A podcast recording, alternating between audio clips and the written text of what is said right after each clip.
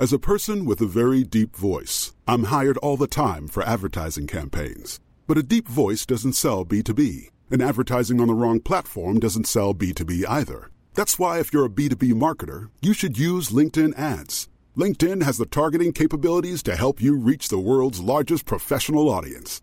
That's right, over 70 million decision makers all in one place. All the big wigs, then medium wigs, also small wigs who are on the path to becoming big wigs. Okay, that's enough about wigs. LinkedIn ads allows you to focus on getting your B2B message to the right people. So, does that mean you should use ads on LinkedIn instead of hiring me, the man with the deepest voice in the world? Yes. Yes, it does. Get started today and see why LinkedIn is the place to be to be. We'll even give you a $100 credit on your next campaign. Go to linkedin.com slash results to claim your credit. That's linkedin.com slash results. Terms and conditions apply. Hey, I'm Ryan Reynolds. Recently, I asked Mint Mobile's legal team if big wireless companies are allowed to raise prices due to inflation. They said yes. And then when I asked if raising prices technically violates those onerous two year contracts, they said, What the f are you talking about, you insane Hollywood ass? F- So to recap, we're cutting the price of Mint Unlimited from $30 a month to just $15 a month. Give it a try at mintmobile.com slash switch. $45 upfront for three months plus taxes and fees. Promo rate for new customers for limited time. Unlimited more than 40 gigabytes per month. Slows. Full terms at mintmobile.com. Och så spelar de samma fem låtar i varenda affär. Det är alltid den där julrappen med just det. Nu är det jul igen. Ju, ju, ju, ju, ju, Julien. Om och om igen. Jag måste säga, expediterna står där bara, skjut mig.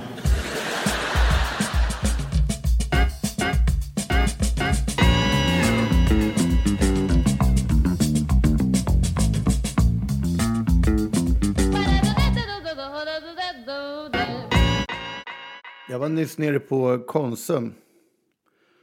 Och då Ähm, utspelade sig en märklig dialog. Jag, jag, jag fattar inte riktigt vad som hände. Jag är lite så här, eh, chockad fortfarande. Men, men eh, jag gick ner för att jag skulle köpa ägg. För att jag var tvungen att fixa plättar till, eh, eh vad ska vi säga, mellansonens eh, utflykt till museum idag. Och sen så gick jag ner där och så passade jag på att plocka på mig lite yoghurt och allt möjligt. Jag hade varit och lämnat han ytterligare en mellanson på skolan innan. Eh, men, men sen så, så när jag kom fram till kassan så säger hon så här, hej. Och jag svarar inte därför att jag står och, och tittar på en löpsedel som ja, men, ibland ser man så här konstiga ord i kombination så man blir alldeles ställd. Och då eh, sa jag det till henne att, att oj förlåt, jag, jag, jag fastnade i löpsedeln här, att MP-politiker eh, har förgripit sig på spädbarn. Just det. Ja, alla ska dra upp någonting nu för tiden, sa hon. eh, ja, sa jag. Det, det var ju bara det att det känns... Förgripelse på spädbarn känns så oerhört allvarligt. Ja, alltid är det någonting. Det, det, nu, nu igår var det byggarbetarna och nu vet jag inte vad det är. Det, det är hela tiden. Ja. Sen vandrade jag hemåt och, och, och ja, funderade lite på det där. Liksom. Men, men det är som att... Eh, alltså I min värld så är det lite olika saker att på något vis att klumpa ihop med någon allmänt metoo hås. Jag antar att det var det hon menade, eller vad tror ni? Det tror jag Ja, definitivt det det var var. det. Eh, Jag har ju läst lite om det där också. Men jag, jag, alltså jag har inte läst någonting om det alls. Jag kände bara att, liksom att, att när, det, när det blir liksom ett övergrepp på ett spädbarn och, alltså, det, det, det är ett alltså, en sån löpsedel är för mig så absurd så att jag tror att jag tittar på en ding, ding, ding värld. Liksom. Ja, så har det väl blivit lite grann nu för tiden.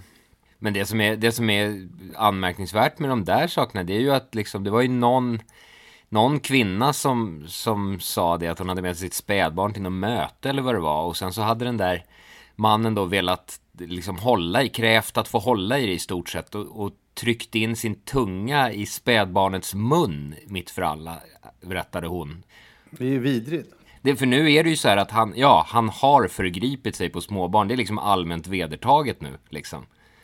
Eh, och det vet jag inte riktigt om jag skulle hålla med om, helt enkelt. Först, åtminstone först det är avgjort, kanske i någon form av juridisk instans, vore ju trevligt om det hann passera innan folk tog fram, liksom, hö gafflarna och facklorna liksom. Men det är det här som är själva liksom, eh, händelseförloppet som, som är övergreppet? Ja, det är, som- ja, det är som, ja, i stort sett. Ehm, Så att, eh, och jag vet inte, jag säger Ja. inte att det inte har hänt, men, men däremot kanske man, man kan väl kanske vänta ett litet tag, så får man se liksom. Så kan, eh, eller? Är det för mycket begärt? I min värld var det betydligt vidare saker som spelades upp på eh, den inre filmen. Så att, eh, men det här är ju tillräckligt vidrigt i och för sig, men som sagt. Min gissning är att, att eftersom man hoppar över alla de här rättsliga, eh, liksom juridiska aspekterna på om vem som är skyldig eller inte skyldig, utan att man går direkt så att säga på, på anklagelseakten och, och, rent av, Ja. och rent av domen. För jag tror att det är Ja, det är domen framförallt, det, är det som är det, grejen. det är nog många, liksom, jag skulle nog säga alla faktiskt, som skulle föredra eh, ett eller två år i fängelse i tysthet, alldeles anonymt. Eh, istället för att eh, få det här eh, uppklistrad på eh, pla- Mm. plakat. Men det är ju någon form av liten revolution och alla, alla revolutioner har väl sina offer. Liksom. Det blir ju blodigt liksom. Det, det går ju inte att komma ifrån. Så att det, är väl, det är väl liksom fine. Man får väl... Vi är ju mitt uppe i någonting som man... Det känns som att man får se lite grann vad, vad, vad som händer. Vad som, blir- och det, det mest intressanta är ju liksom hur, vad som har hänt om ett år. För det som är nu är ju någon slags klickrus också liksom. Eh, Men det blir intressant att se vilka, om, om, de, om de verkligen lyckas rasera liksom, strukturerna och, och liksom komma åt den här makten på toppen, för det är det det handlar om. Liksom. Man, får inte glömma att det här det är ju inget nytt där. Man har, man har ju ändå dragit upp det här vid flera tillfällen förut. Och det är ju otroligt eh, spännande tycker jag att se hur... Det, det, det kanske ligger någonting svenskt över det att, att man nu helt plötsligt så att säga har en totalt motsatt åsikt från vad många hade för bara för fem år. Alltså den här så kallade kulturprofilen till exempel har ju varit på tapeten flera gånger förut. Och- Och ändå har han kunnat fortsätta ha sina evenemang och folk har fortfarande varit fascinerade av honom och han har fått priser och det har varit mycket bockande och bugande trots att alla har vetat det hela tiden. Och nu, plöt- Ja. och nu plötsligt så ska alla liksom vända honom ryggen. Ja, och det är ju förståeligt det med. Men, men just med den här, det som jag drar in eh, som eh, någon slags svenskt perspektiv på det hela. Det är att, att när man väl har bytt åsikt, då har man Ja. så att säga alltid tyckt så.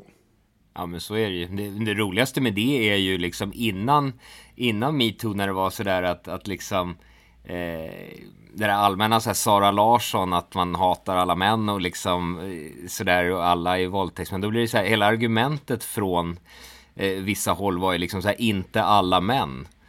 Och nu kommer metoo och då är det helt plötsligt samma män som säger att men så där har väl alla män gjort alltid. Det- är ju en liten lustig svängning också. Ja, det vet du fan. Men jag vet inte, när det gäller kulturprofilen kan det ju faktiskt varit så enkelt som att man trodde att han var en slimeball som var lite äcklig och hade överseende med det. Men att, han, att det handlar om liksom våldtäkt och sexövergrepp kanske ingen fattar riktigt.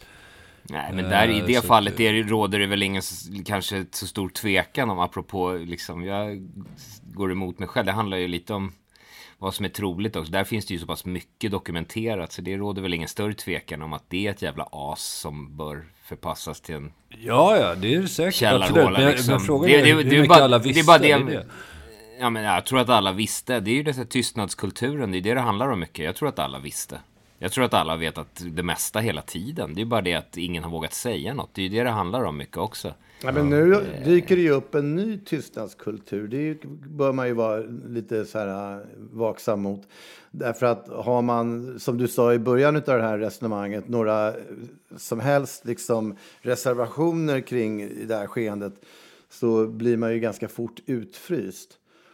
Och, och det handlar om att förstärka för att göra saken ännu tydligare. Jag märker ofta till exempel att när det står de här vittnesmålen om att han eh, liksom eh, ville kyssa mig eller han vill, ville krama mig eller vad det nu var. Eh, Sen när det vittnesmålet i andra hand eh, redovisas då läggs det ofta till trycker upp mot väggen eller eh, höll fast mig och vad fan det nu kan vara. Liksom. Och, eh, jag, jag, jag är helt övertygad om att man kan känna sig pressad utan att någon trycker upp en mot väggen och så vidare. Det är nästan enklare om någon trycker upp en, någon mot väggen därför att då, då är det ju så jävla tydligt. Jag tror att det, som är, det som är den här eh, liksom metoos stora grej är väl just när det har varit otydligt. Det är väl det som är liksom storheten i det, att man kanske kan få bukt med ett problem som har varit liksom smygande. Och, och ut, liksom där makt har utövats eh, mer liksom eh, i, i, i stämningen snarare än i eh, handfast våld. Den, det, kan vara, det kan vara nice då och då att eh, i det här göra gott-iven luta sig tillbaka på eh, organisationer och sånt som, som har då ett vedertaget långsiktigt arbete som bevisligen har gett bra resultat. Och jag tänker ju då i den här låtens sammanhang som vi ska prata om och så eh, på Ecpat. Mm. Just det, precis. Eh, Och de har ju eh, valt att använda sig av våran sådär lite jovialiska kling-klang jullåt. Eh, f- för att skapa en kontrast till övergrepp på just barn. Mm. De, den, deras, den filmen som de gjorde där var ju jävligt bra faktiskt. Ja. De gjorde det där svinbra tycker jag. Det där, att få det där glada, tralliga till någonting fantastiskt obehagligt. Den var ju svinsnygg den filmen. Ja, och jag, Och effektiv. jag kan ge er en julklapp killar. Ja. Nämligen att de eh, har bett om att få använda den där eh, låten i, i år också. Ja, vad trevligt. Strålande det, blir en ny vända med det. Och det känns ju nice att man kan eh, bidra med någonting. Och, och, och för er som undrar vad ECPAT är för någonting och vad de gör eh, så, så är det ju en organisation som intensivt jobbar mot barnsexhandel, eh, alltså barnporr på nätet, övergrepp mot barn i största allmänhet upplyser, informerar, rent av juridiskt försöker stoppa. Eh, och, så att om, om, man, om man känner att man omedelbart nu vill bidra till detta så kan man swisha 100 spänn eller det belopp man nu vill ge på, på 90 34 34 9.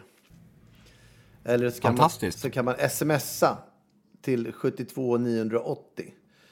Smsa God Jul eller vad som helst. Och, och så, så dras det 50 spänn till Ecpat.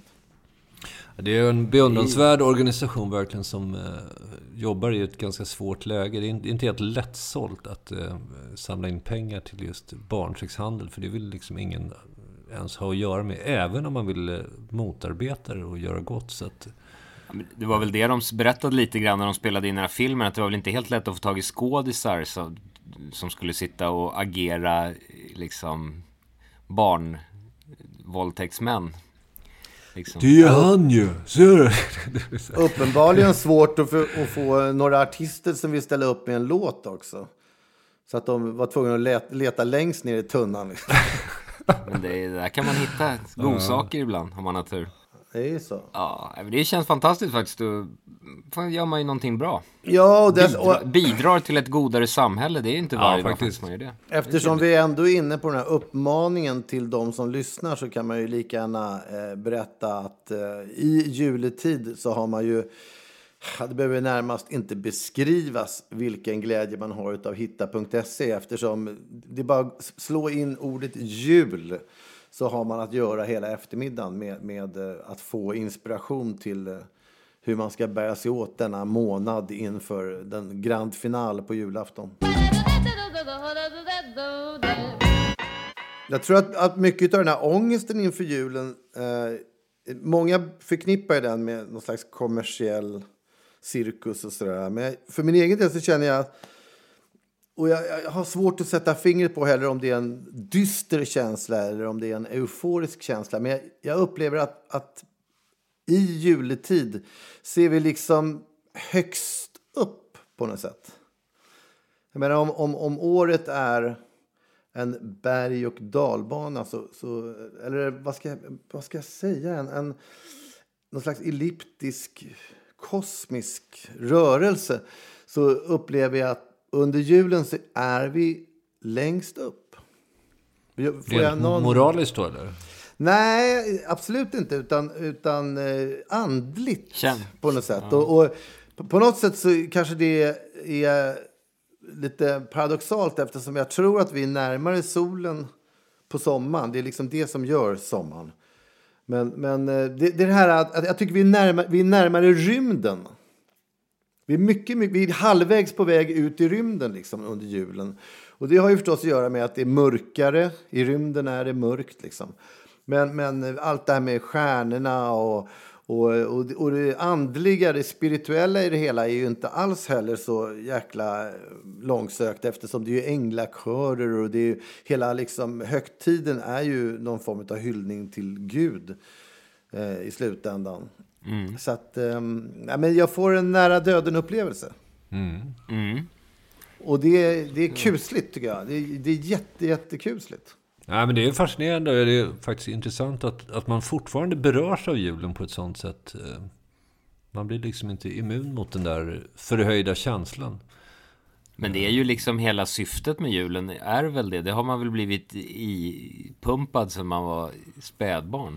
Ja, men och det är ju inte, det, jag, tror, jag tror inte, det är naturligtvis inte konstigt heller därför att det, det finns ett behov utav någonting eh, kring jul, att, med ljusen och det hela. Så att det har ju blivit någonting på grund av att vi behövde det. Eller rent utav på grund av en ännu högre makt, vad fan vet jag. Alltså det skulle ett stort gigantiskt rymdskepp plötsligt landa eh, så skulle det göra sig väldigt, väldigt bra på självaste nyårsafton. För det, jag känner, ny, julen i all ära, det är en förfest, men nyårsaftonen är ändå piken liksom. Ja, nyårsafton känns ju kanske lite mer som en högtid för vuxna.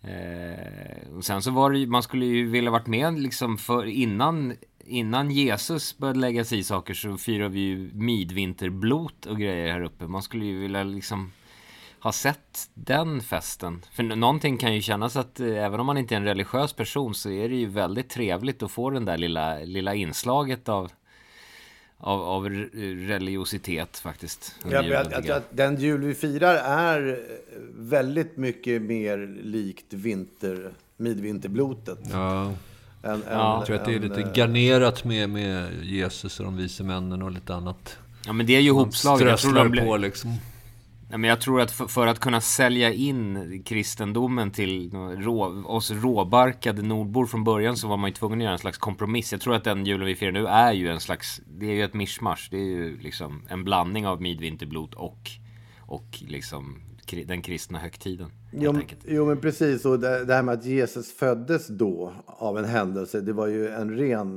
nödlösning. De slängde in det datumet därför att de visste att de här galnarna, liksom, det, romarna hade också faktiskt runt, runt en eh, eh, juletid en, en sån där högtid. Så att liksom, om det överhuvudtaget skulle firas någonting som hade med Jesus att göra så ville det till att han föddes då. Det, så Ja, det. det. ändrade de ju för att det skulle passa. Folkbokföringen i Betlehem på den tiden var kanske inte helt eh, pålitlig heller. Jag tror inte hitta.se fanns riktigt då. Det var det som var problemet. Så att, Nej, Faktakollen var- var krubba, bristande. krubba nummer tre. ja, så här mycket tjänar andra i området. Jag gick ut ur Svenska kyrkan för kanske fem år sedan. Jag funderar faktiskt på att gå tillbaka igen. För att... Det är många som pratar om det. Jag, jag, jag hörde det här om dagen att någon som hade gått ut och sen som ville gå in igen. Ja, Johan Johansson gick ju tillbaka efter 38 år. Nej, men jag gör det för, dels för att de är fan med liksom de enda som är någorlunda, som har lite vett och sans i den här jävla tiden av fullständig hysteri av allting, liksom med flyktingar och liksom folk, folk är ju som galna liksom. De känns liksom, de sansade och har humor faktiskt också. Det är Eh, ju- och liksom hjälper till, de använder sina pengar på ett vettigt sätt skulle jag säga liksom och, och Det jag vet bara- inte, jag tyckte det bara känns sympatiskt. Jag tycker de känns som en, liksom, jag vet inte. Det Jag vill bara uppmuntra deras de, vett eh, och sans. bara för att de pressats ner i brygga. Så ge dem lite makt och, och inflytande igen, då börjar det direkt inkvisitionerna och kättarbålen och allting annat. Så att, eh, just nu är de ju, ligger de ju långt ner och då måste de vara schyssta och trevliga. Så att, Du, du uppmanar mig att inte gå med i kyrkan. ja, Nej, men jag, jag, jag, tror att du, jag tror att du har en poäng där, Peder, faktiskt. Att, att, eh, att folk som så att säga står i minoritet och har något liksom eh, att vinna på att vara schyssta. De kommer ju också bli schyssta och då blir det en schysst rörelse. Så att jag skulle snarare säga gå med, det är ju toppen. Eh, och sen kan du gå ur igen om de börjar bränna eller? Fin underhållning. All anledning att gå ur. Så att alltså jag, jag, är ju, jag är ju extremt... Jag är ju extremt ryggradslös på det sättet att jag hoppar ju glatt fram och tillbaka mellan de olika lägren som jag tycker är bra. Men problem, problemet är ju liksom att de är ju så jävla, det är så komplicerat. Jag kommer ihåg förr när jag gick ut, då skulle man liksom skriva såna här personliga brev till någon sån här kyrkoöverhuvud vid Höga Lids kyrka och gå och lämna liksom medan man bad 40 Ave Maria kändes det som. Det var liksom, det var en otroligt komplicerad process det där. Och man skulle bli godkänd för att få gå ur och där saker. Så att eh, det är ju ingenting man gör i brådrasket där hoppandes mellan olika läger. ja, men just, just kunnat eh, br- bränna dig på bål i det läget hade de gjort det. Så att, eh, det, det nya motsvarande det du pratar om där man då ska liksom bekänna och, och sen det är svårt att dra sig ur och så där, Det är ju diagnosvärlden. Det- Där har man ju mycket att vinna på att så att säga få en diagnos och sen så är det lite stökigt att bli av med den. Eh, Men vad det gäller kyrkan idag så är det väl bara att kliva in och ut som att gå över en tröskel. Liksom. Det är svårare än så är det inte. Det är formalian som är lite kärv. Man orkar inte hålla på liksom och tjafsa med papper bara. Det är väl, det är väl mest det. Men vad vill du vinna på att gå med? Det är det jag inte förstår riktigt. Vad, vad vill du ha ut? Stödja dem. Stödja? Men Det kan, du, det kan du ju bara göra genom att ge en slant till Frälsningsbässan i så fall. Ja, kanske. Det är ju rätt dyrt att vara med i, så alltså, kyrkoskatten är rätt saftig. Alltså. Eller det är ingen skatt längre, är det det? Man pröjsar massa skit i varje fall till de vet jag, som är rätt dyrt. De som är med Ja, Ja, men det, kyrkoskatt tror jag. går, det är väl, går väl på skatter tror jag. Eh, Men, men det kan Vilket ju är vara- konstigt eftersom kyrkan och staten är ju separerade. Hur kan det gå på skatten då?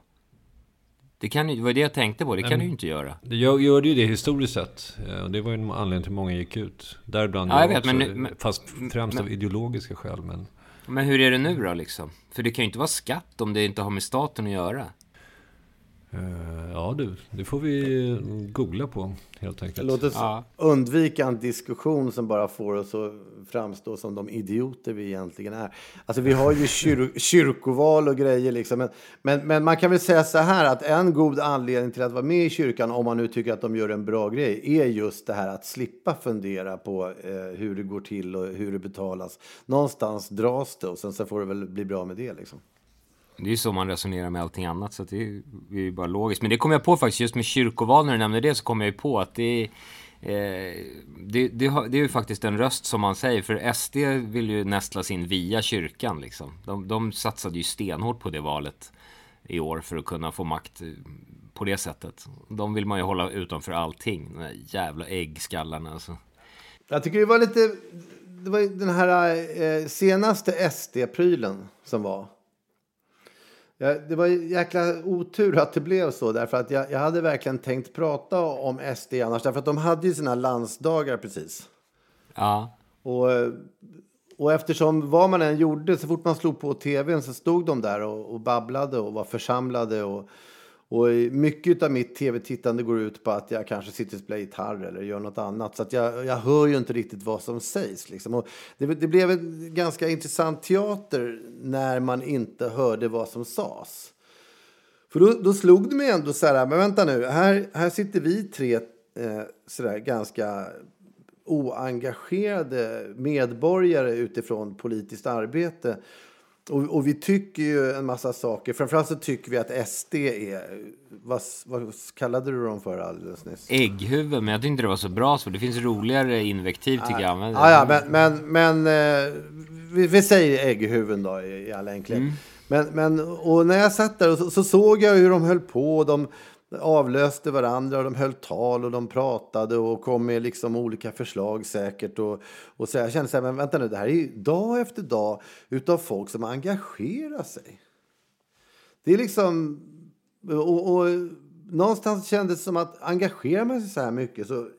Ja, men det gäller ju naturligtvis alla partier på något sätt. Att, att oavsett om man inte håller med dem om det är V eller om det är Fi eller om det är moderater, liberaler, whatever. Att, men titta så engagerade de ser ut. Och, och många av de här kämpar kanske för att få liksom ytterligare en parkbänk i den lokala liksom, gröna lunden. Och, och då kunde jag inte annat än fyllas liksom med någon slags respekt för folk som lägger ner sin själ för att förbättra tillvaron även om man detaljmässigt inte alltid håller med dem. Och sen så mynnade det hela ut i att det var något övertramp i någon sägning och det var, man kände så här, åh, jäklar vad synd, då kunde jag liksom inte lyfta fram den här aspekten heller jag vet inte, övertramp i någon sägning vet jag inte om man, det är ju väldigt förmildrande. Det var ju liksom att muslimer inte är människor. Eh, kan man ju kalla det, är väl lite mer än ett övertramp. Och dessutom skulle jag säga att engagemang Men vad, vad, själv... vad, vad var citatet exakt? Jag, jag, jag liksom... Det var en, ska, en skala där, där eh, vad var jag, jag, vet inte exakt nu, men det var en, han drog en skala att 100% liksom kristna vita människor antagligen är liksom, det är människor. Och om man, har, om man är en avhoppad muslim, då har man kommit en bra bit på vägen till att bli människa. Just det, men, men, men, men var, var sägningen att bli mer medmänsklig eller... Nej, människa. Humanist 100... eller något liknande. Nej, eller, nej eller... människa. Så, så du, du, 100% det, människa. Det, det, han menade var alltså, enligt dig, att, att då närmade man sig aporna alltså? Eller rent utav reptilerna? Nej, jag, alltså jag, kan, jag kan ju inte sitta och förklara hans logik. Jag hör bara vad han säger. Det var någon evolutionsgrej. Nej, men jag bara tänker att nej, men jag eh, förstod det som att han kanske sa fel. Eller att det var...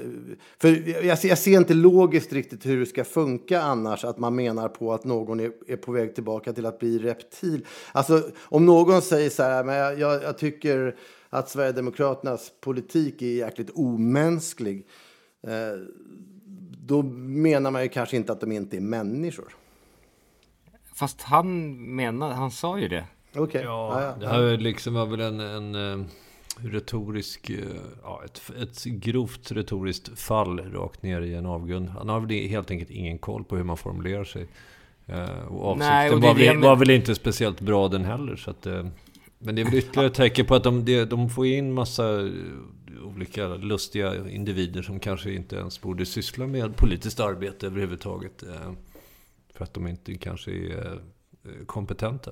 Det är intressant med semantik där också. Att, att eh, det, det, kan vara ibland bara några bokstäver hit och dit som skiljer från det ena till det andra. Liksom. Det är ju, oavsett hur det har gått till. Liksom. Men skitsamma, det, det, det, det, det jag tänkte på i alla fall, det var bara att jag plötsligt fylldes av en värme. Att, att, att folk engagerar sig överhuvudtaget. Och det, det, tyvärr så mynnade det ut i det här bara. Och det, Fast det ju... vet, alltså, alltså, engagemang i, i sig är ju inte, behöver ju inte vara något bra. Liksom, det, det, är ju en mardröm med engagemang utav fel människor för fel sak. Jag menar, ponera liksom att Karin får en hjärntumör och jag brinner av att få bort den. Jag liksom är engagerad till 100% för att, så att jag erbjuder mig att operera bort den.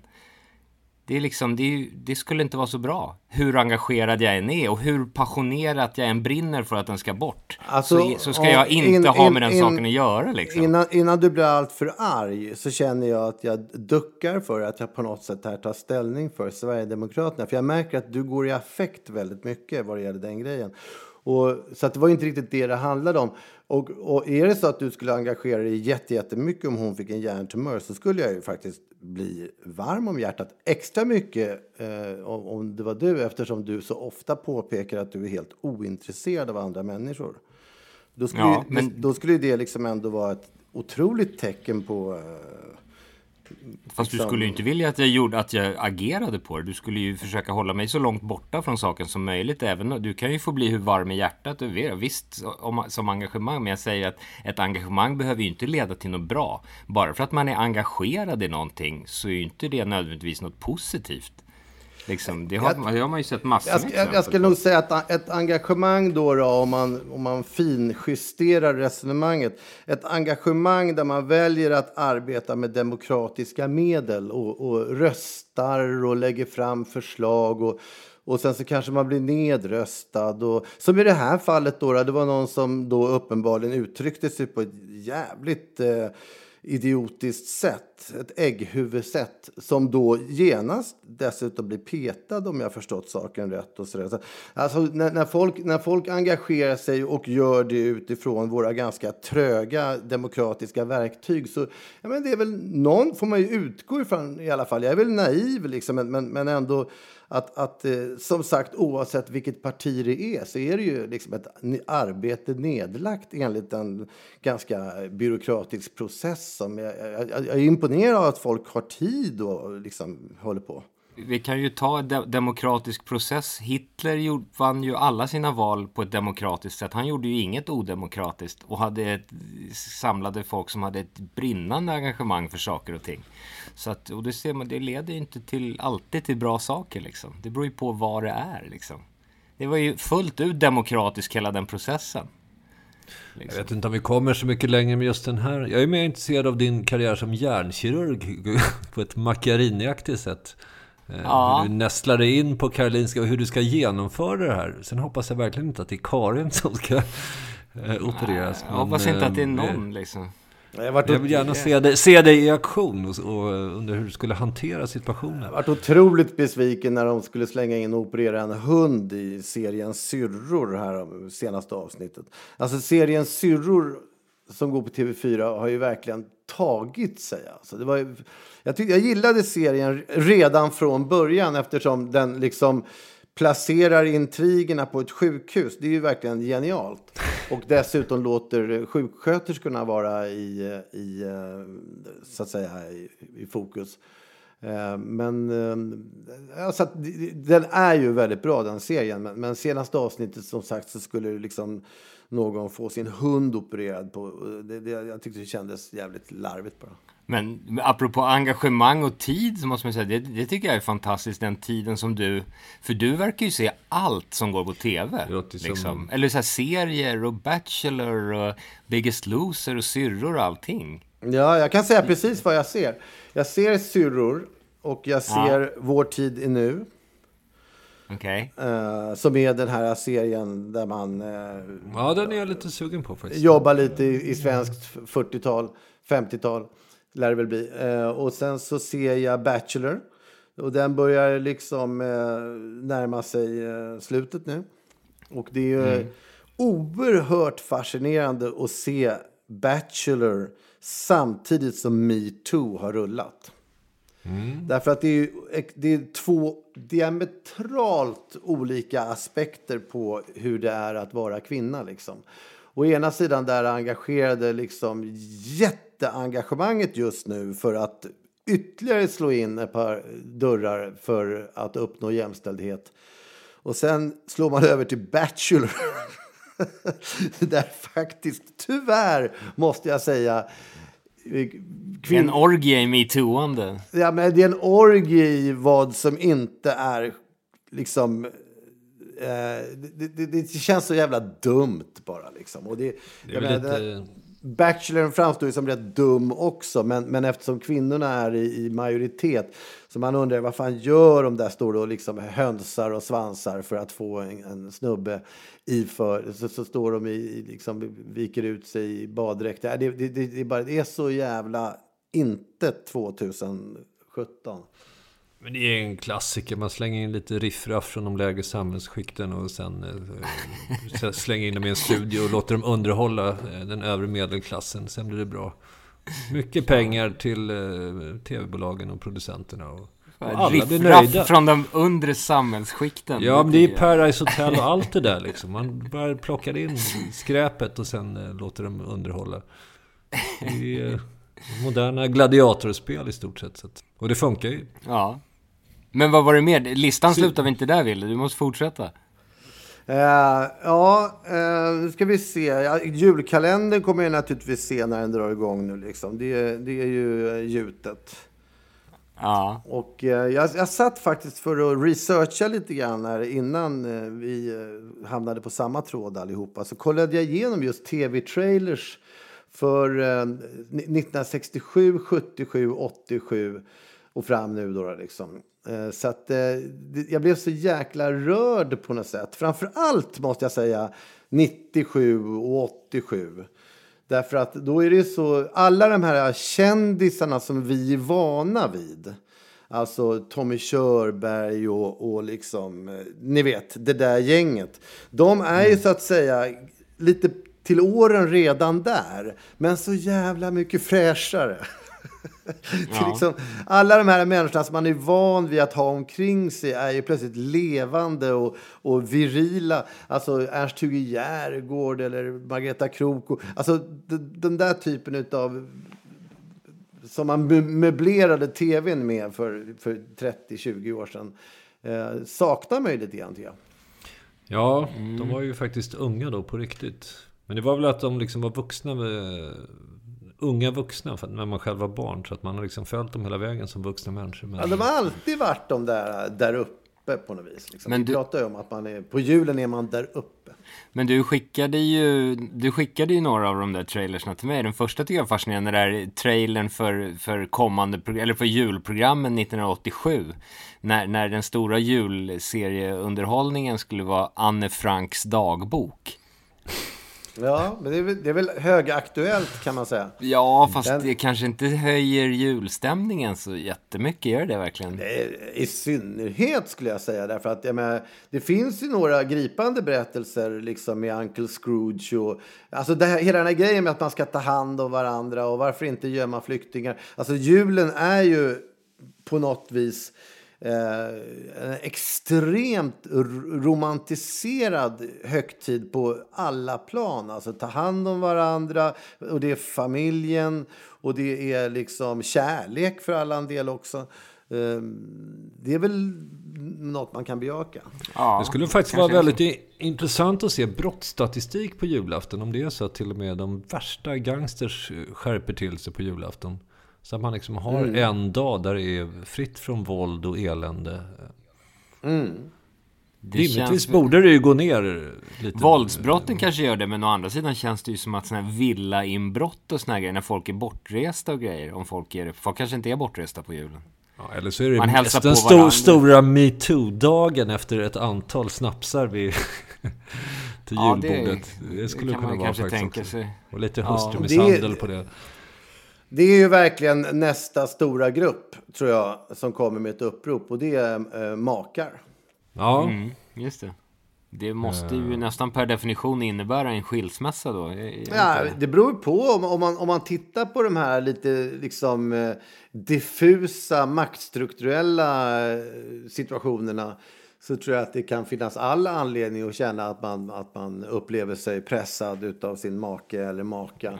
Ja. Att, liksom, att vara på ett visst sätt. Och det är fortfarande det som är det intressanta tycker jag med hela den här rörelsen. Ja, men det är, väl lite, det är väl nästan uttalat att det är så.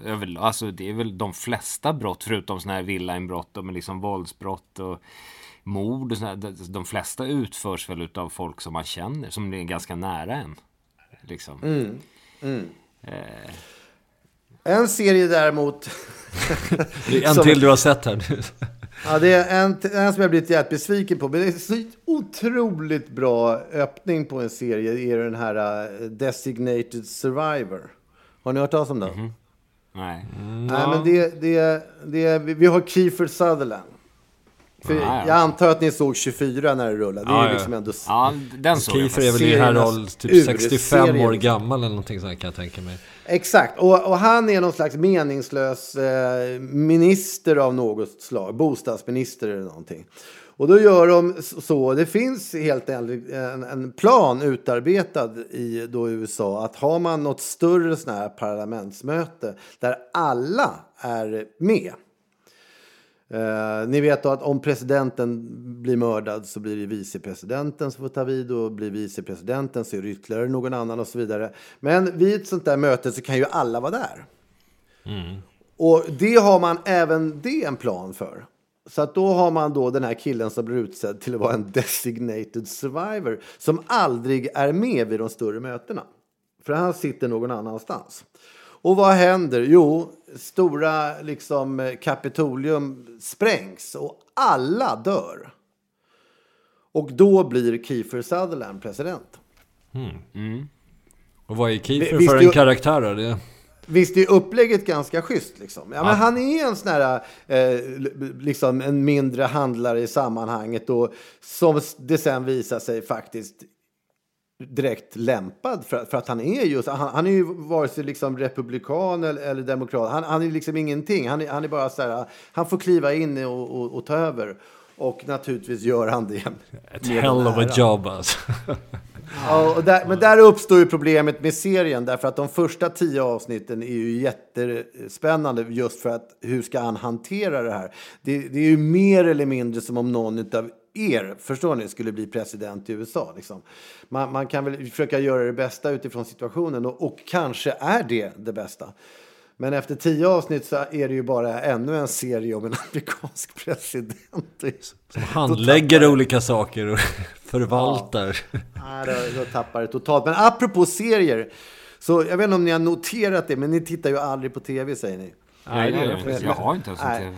Nej, men någonting som är extremt eh, eh en, en, populärt i tv-serier nu för tiden det är att man öppnar med en otroligt seriös låt.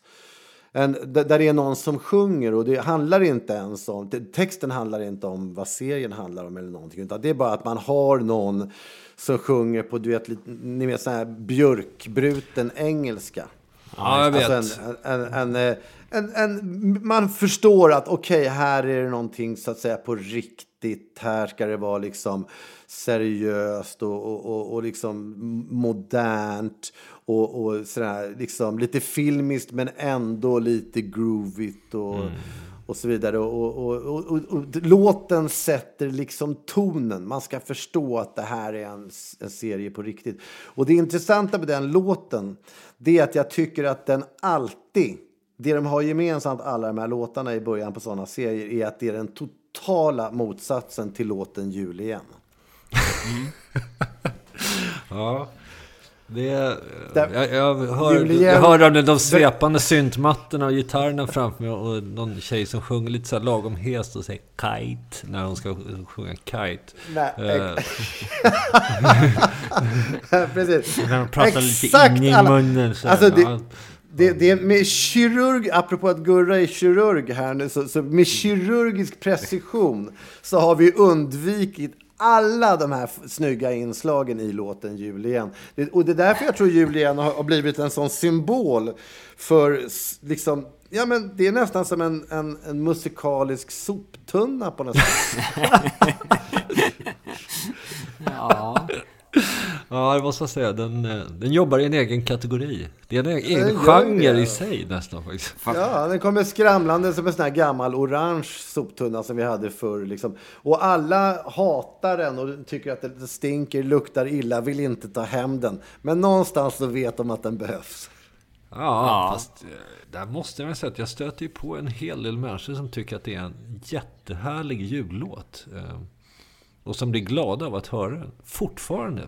Ja. Efter alla dessa år. Sen måste man ju lägga till rent, rent hantverksmässigt så är den ju, alltså grundsamplingen där, den, vad är det, jul, stora julebluesen eller vad den heter med, med Alice Babs. Povel Ramel är det väl va? Som den samplar, alltså den är, det skulle jag säga, för att det är ju en sak att ta någon sån här loop som redan är funky och lägga på funky trummor så har man en funky hiphop-grund. Det är ju, det är ju visst gott så, men, men den här är ju så jävla snyggt uttagen, den där Alice Babs-grejen och liksom satt i en helt ny kontext och använt liksom helt annan taktart och tempo och allting än grundlåten. Så rent låt, låthantverks produktionsmässigt är det ju ett litet mästerverk på det sättet skulle jag säga, vad gäller pusslande, samplingspusslande. Ja, och, liksom symboliskt för oss lite grann också tycker jag. Därför att det, det på, vi kan påminna oss om att, att det är som att vi har fått som en julklapp lite grann av många artister. Det faktum att, att jag tänker på Ulf Lundell ibland också som vi har liksom plockat rätt mycket ifrån. Alltså man har ju plockat från dem man gillar. Björn Skifs och, och Ledin och, och, liksom, och Povel Ramel givetvis. Och lite sådär. Och, och ibland så pass tydligt att, att det, det är inget snack om det. Liksom. Det, det, det är bara glasklart var det kommer ifrån.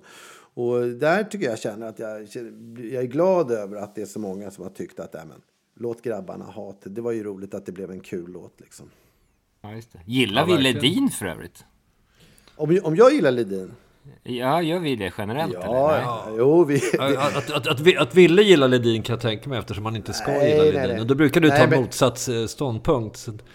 Nej men så här är det ju att Ledin, det, det är ju så här att jag måste be att få påminna er med den största respekt här nu. Blanda inte ihop vad ni anser om artisterna idag eller och så vidare. Utan det, det är så här att när vi började göra de här låtarna Alltså 1989, 1988, 89. Då, då, då var utbudet utav liksom artister som körde låtar som överhuvudtaget gick i någon slags tempo som kunde jämföras med, med någon form av funk, soul eller disco. Det var jävligt få alltså. Och, och tittar man då på Ledins 70-talsplattor så Ja, är det... det. Det, det är faktiskt sant. De där första två han har gjort är faktiskt bra. Det finns faktiskt spår som är rätt funky där alltså. Det Ja, och, och det, det. Måste, måste jag säga. Så att om ni undrar om ni gillar Ledin så kan ni åtminstone känna att ah, men hans 70-talsplattor är faktiskt grymma. Mm. Ja, men det är sant. Jag, jag, jag håller med. Jag kom på det nu. De är faktiskt bra. Och jag kan helt ärligt säga att jag vet inte ens om jag gillar Ledin. Man har ju bara hört en räcka hits på radio sen. Jag har tror aldrig hört ett Ledin-album eller någonting sånt. eh, sin det är Det är, väl- bara, helhet. det är väl bara det att han som person, han känns så svulstig och läskig liksom. Han känner, han, jag vet inte, det är någonting. Gör det han verkligen det? Jag skulle säga är, är, det enda anledningen till att inte gilla Ledin i så fall skulle ju vara att han är så jävla likable.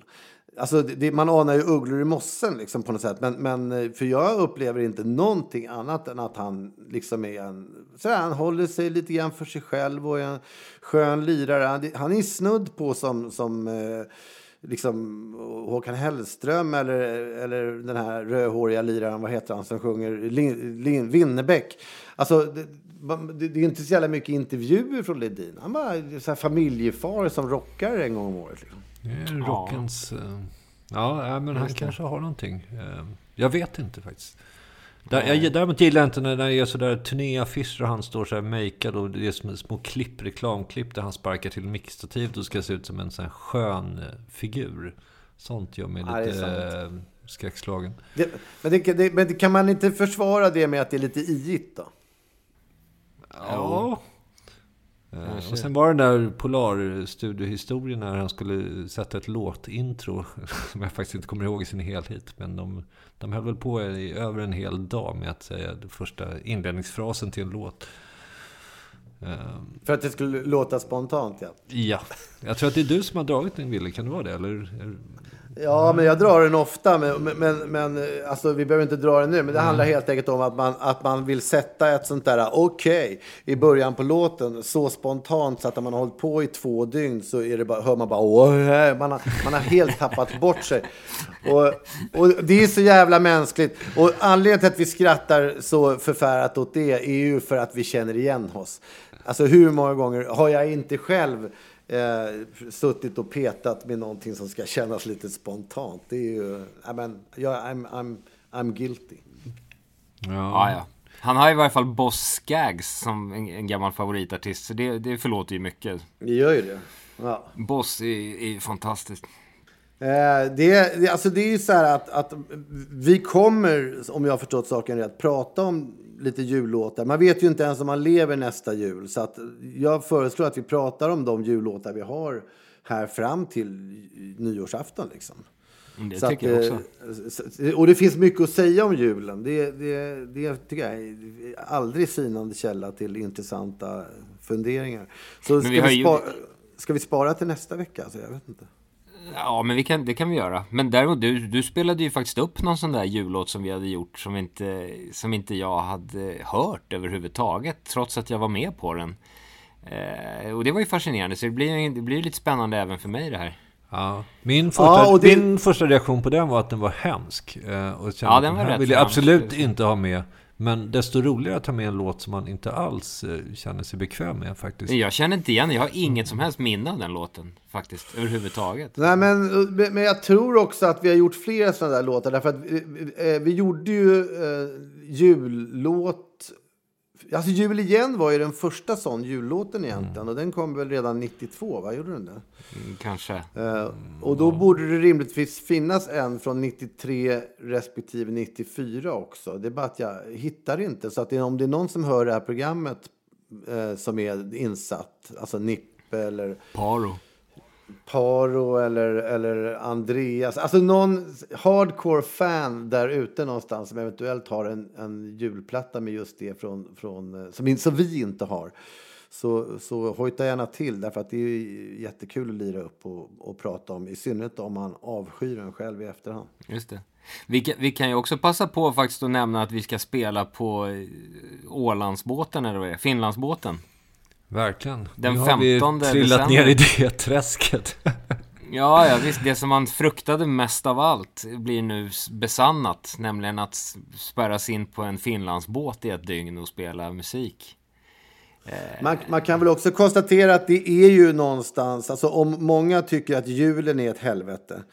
Eh, och, och det är otroligt många som tycker att Ålandsbåtar är ett helvete. Eh, och, och, alltså sammantaget med just det på scenen så, så är det ju närmast liksom helvetessituationernas urmoder som, som väntar Verkligen. den 15 december på Silja Line. Att uppleva liksom en, en, en triad utav julfirande, Ålandsbåt och just det på en gång. Det, det, Det är en Ja, det är touchdown i det helvetet. hela Nöjesguiden-redaktionen måste ju själv vibrera utav förväntan. men de, men man, man, man kan ju se det som den skärselden man måste gå igenom för, för, för att liksom få landa i den själsliga och, och mysiga ron som är julafton. Ja, jag tror det. Enkelt. det är en eh, katarsis helt enkelt. Ja, den göra. renande elden eh, ska man gå igenom. Den 15 som sagt. Eh, Och då kan vi även passa på eh, Adrian Bräcke, våran senaste eh, Patreon-donator ska vi passa på att tacka. Och vi kan även säga att, att eh, de här Patreon, jag, jag sitter ju och tittar på det här när vi, att det är liksom att folk ger ju pengar till oss. Det är ju helt, helt magiskt. Liksom att folk eh, sponsrar oss för det här och, och tycker att det är så kul så att de vill göra det. Jag måste rikta ett varmt och liksom rört tack till alla människor som, som är våra Patreon-donatorer. Det, det är faktiskt helt magiskt. Ja, och, de, och de, just nu gör de det ovetandes också om att det kommer lyfta scenföreställningen. Exakt. Därför att vi ska ju se till att pimpa upp vår ledväggsunderhållning med hjälp av dessa Just cash. det. det, det. Bara så att ni vet det, Patreon, att era pengar kommer gå till fantastiskt visuella konstverk som kommer spelas bakom oss på, på scenen. Det, det är vad det går till den här gången. Tack och eh, fantastiskt. Vi är djupt rörda över ert stöd. Kan man inte lägga till också att, att, att på något sätt om man, om man bidrar till det här eh, ledväggsunderhållningsspektaklet så kanske man kan få med en bild på sig själv. Det kan ju flimra förbi någonstans, eller? Verkligen. Just det. Vi får se, vi får ordna. Det känns som att vi lovar så jäkla mycket. Så har, har vi skickat alla de här knapparna? Jag har skickat de knapparna som jag gjorde, de där Ja, skiten-knapparna. men jag har inte fått några adresser. Du, du får lira över de adresserna så kan jag skicka. Ja, just det. Men du har, ja precis. För att alla som ville skulle få där. Och sen så har vi ju lovat massa andra saker också. Det kan vi också säga att om mejla, just det, gå in på justdet.nu. Där finns länkar till Facebook och Twitter och Patreon också om man vill eh, vara med och hjälpa till. Och sen så finns våran mailadress där, länkar som, om man vill skicka eh, brev om man är missnöjd med någonting som, man, som vi har lovat men som inte har hållits. Helt enkelt. Fan vad härligt. Det känns ge- Ja. genast bättre. Verkligen. Ja, det gör det faktiskt. Sk- Ska man nu förstöra denna söndag genom att dra igång? Alltså, ja, det är väl dags. Jag tror det. Det verkar inte Jag bättre.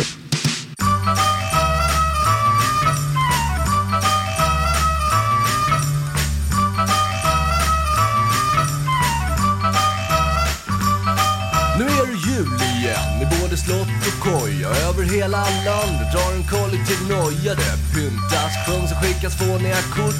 Åh Jesus, se nu vad du har gjort. För om du inte blivit född hade vi sluppit en högtid med. Tomtar, lutfisk och palmeglögg vid någon risig gran Och som ackompanjemang får man överdoser utav bjällerklang Och när de återigen rullar Kalle Ankas spratt till mer gråt än skratt, ja då vet man att Nu är det jul igen. Jul, jul igen.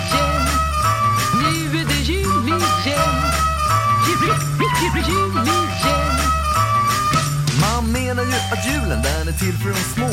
När jag minns när jag var liten, det var en mardröm redan då. Vid fem hade de väckt en och vid tolv kom hela släkten. Min morfar och min faster och hennes man med andedräkten De tvingade en till dans och en massa annat trams Sen grälar de om vikten av att hålla sams Jag hade önskat mig deg och kanske lite lego Men trots allt smussel fick jag bara några pussel. Visst är julen hell, men jag står ändå leende och skrattar och bryter och sinnessjukt beteende. För här finns inte plats för någon variation trots att tomten och hans annan borde gå i pension. Alltid samma terror år efter år och ens enda tröst är att ta sig en ton. Så man tar snaps efter snaps och man rumlar hem när man är packad som människor den 23 december. Så när man griper om dasset som en chef sin ratt och suckar matt, ja då vet man att Nu är det jul igen. Jul, jul igen.